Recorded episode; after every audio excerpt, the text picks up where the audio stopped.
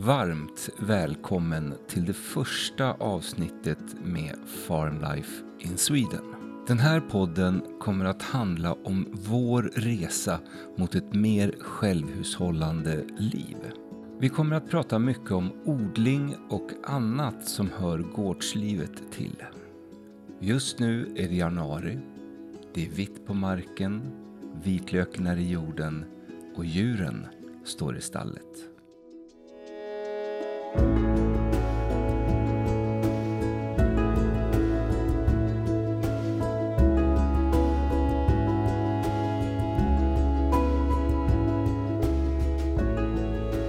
Karina, älskade, nu har vi inte bara getter, ankor, höns och en katt. Nu har vi också en podd. Hur känns det? Eh, det känns, eh, det känns spännande. Det här är ju nytt för oss båda. Ehm, och eh, vi vet ju vilka vi är men de som lyssnar på det här har ju ingen aning. Så jag tänker att vi kanske ska presentera oss lite. Så ehm, vem är du David?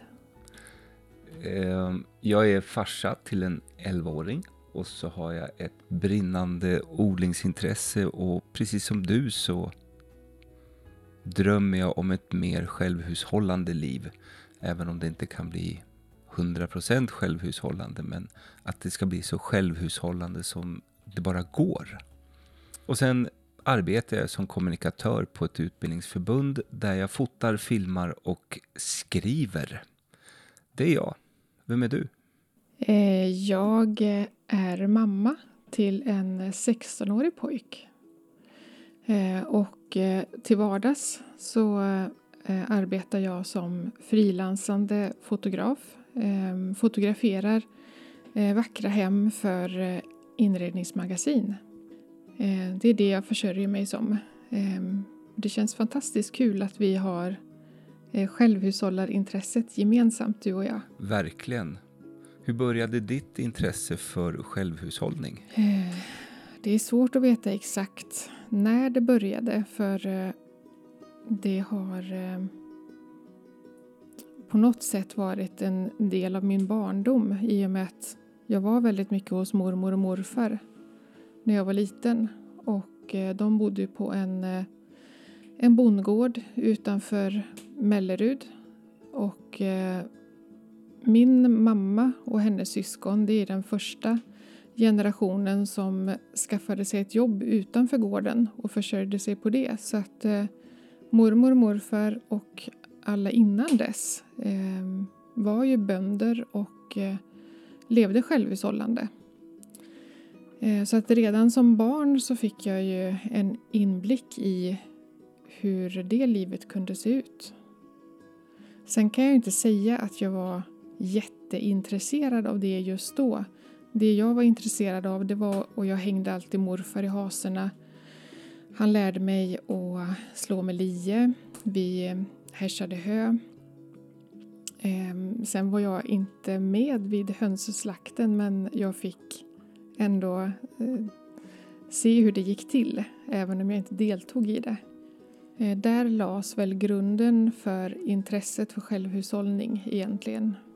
När jag blev vuxen och flyttade hemifrån så bodde jag ju först några år i eh, en lägenhet inne i stan.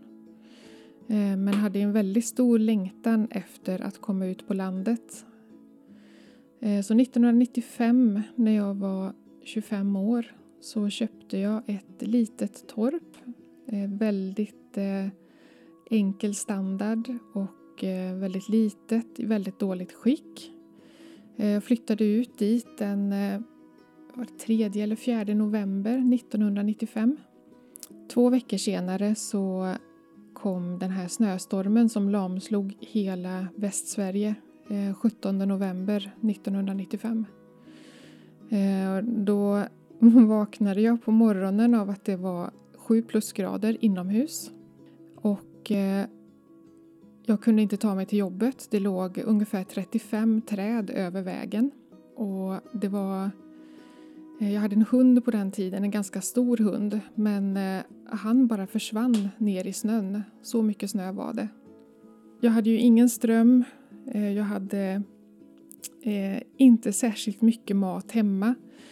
Eh, I tre dygn så levde jag på tekakor med eh, smör och ost och lite oregano över som jag värmde i ugnen i vedspisen. Eh, jag smälte vatten, eller jag smälte snö så att jag fick lite vatten. Och då insåg, jag, då insåg jag hur otroligt lite vatten det blir om man smälter en hel stor kastrull med snö.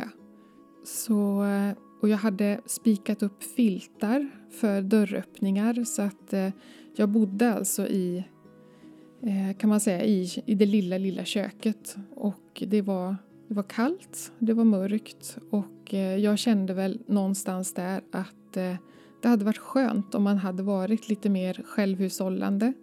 Om man hade haft ett eh, skafferi med eh, mera mat i. Om man hade haft kunskap för att veta hur man skulle göra för att få upp vatten, eh, hålla värmen. Så där väcktes ju någonstans intresset för att eh, kunna ta vara på sig själv.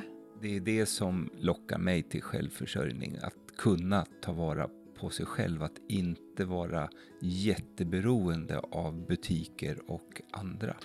Och jag har ju inte samma vana som du att bo så här på landet. Jag har ju alltid bott i stan, men jag har alltid haft ett vildmarksintresse och spenderat väldigt mycket tid ute i vildmarken. Eh, jag har en liten gummibåt med en liten snurra på och den brukar jag och ibland följer sonen med. Och så åker vi ut på fredagen och så spenderar vi då hela helgen ute i vildmarken och så kommer vi hem någon gång på söndag. Och senare år så har jag väl intresserat mig mycket för ätbara växter som finns ute i vildmarken. Så att jag har väl kanske inte haft ett självförsörjande intresse så som du har. Men det har ju mera växt nu när jag har träffat dig. Jättekul att jag har kunnat inspirera dig till det. Verkligen. Men du, vad tänker vi att den här podden ska handla om? Podden kommer ju att handla om livet här på gården och vår resa mot ett mer självförsörjande liv. Vi sår, vi planterar och vi skördar och vi tar hand om våra grönsaker och konserverar dem och förädlar dem. Så vår podd blir lite grann som ett årshjul. Sen är ju vi väldigt förtjusta i mat, både du och jag. Och vi tänkte dela med oss av våra bästa recept, men med ingredienser som vi då själva har fött upp eller odlat här på gården. Men hur delar vi med oss av recepten i en podd? Vi har ju både Instagram, Facebook och hemsida. Och man hittar oss om man söker på Farmlife in Sweden och där kommer vi publicera våra recept, även om vi berättar om dem här i podden. Det låter ju bra. Jag tror det. Och något som jag tycker ska bli väldigt spännande till nästa odlingssäsong är att vi har etablerat 300 nya kvadrat som vi ska odla på så att vi har dubblat vår odlingsyta. Det ska bli otroligt spännande. Nu slog det mig att vi har ju faktiskt inte berättat någonting om gården. Ska vi göra det? Ja, det kan vi göra.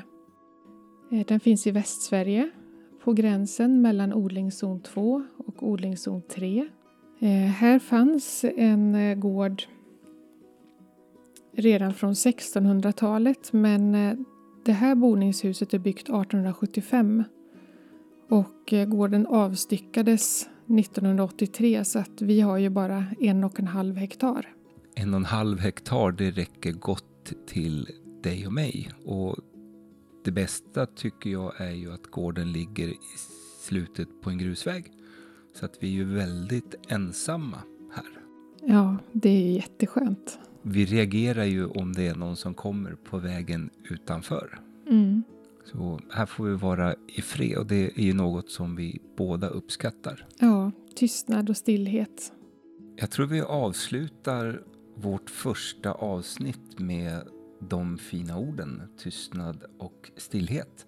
Men vi är tillbaka igen den 15 februari och då ska vi prata om hur vi planerar årets odling för att kunna bli så självförsörjande som möjligt.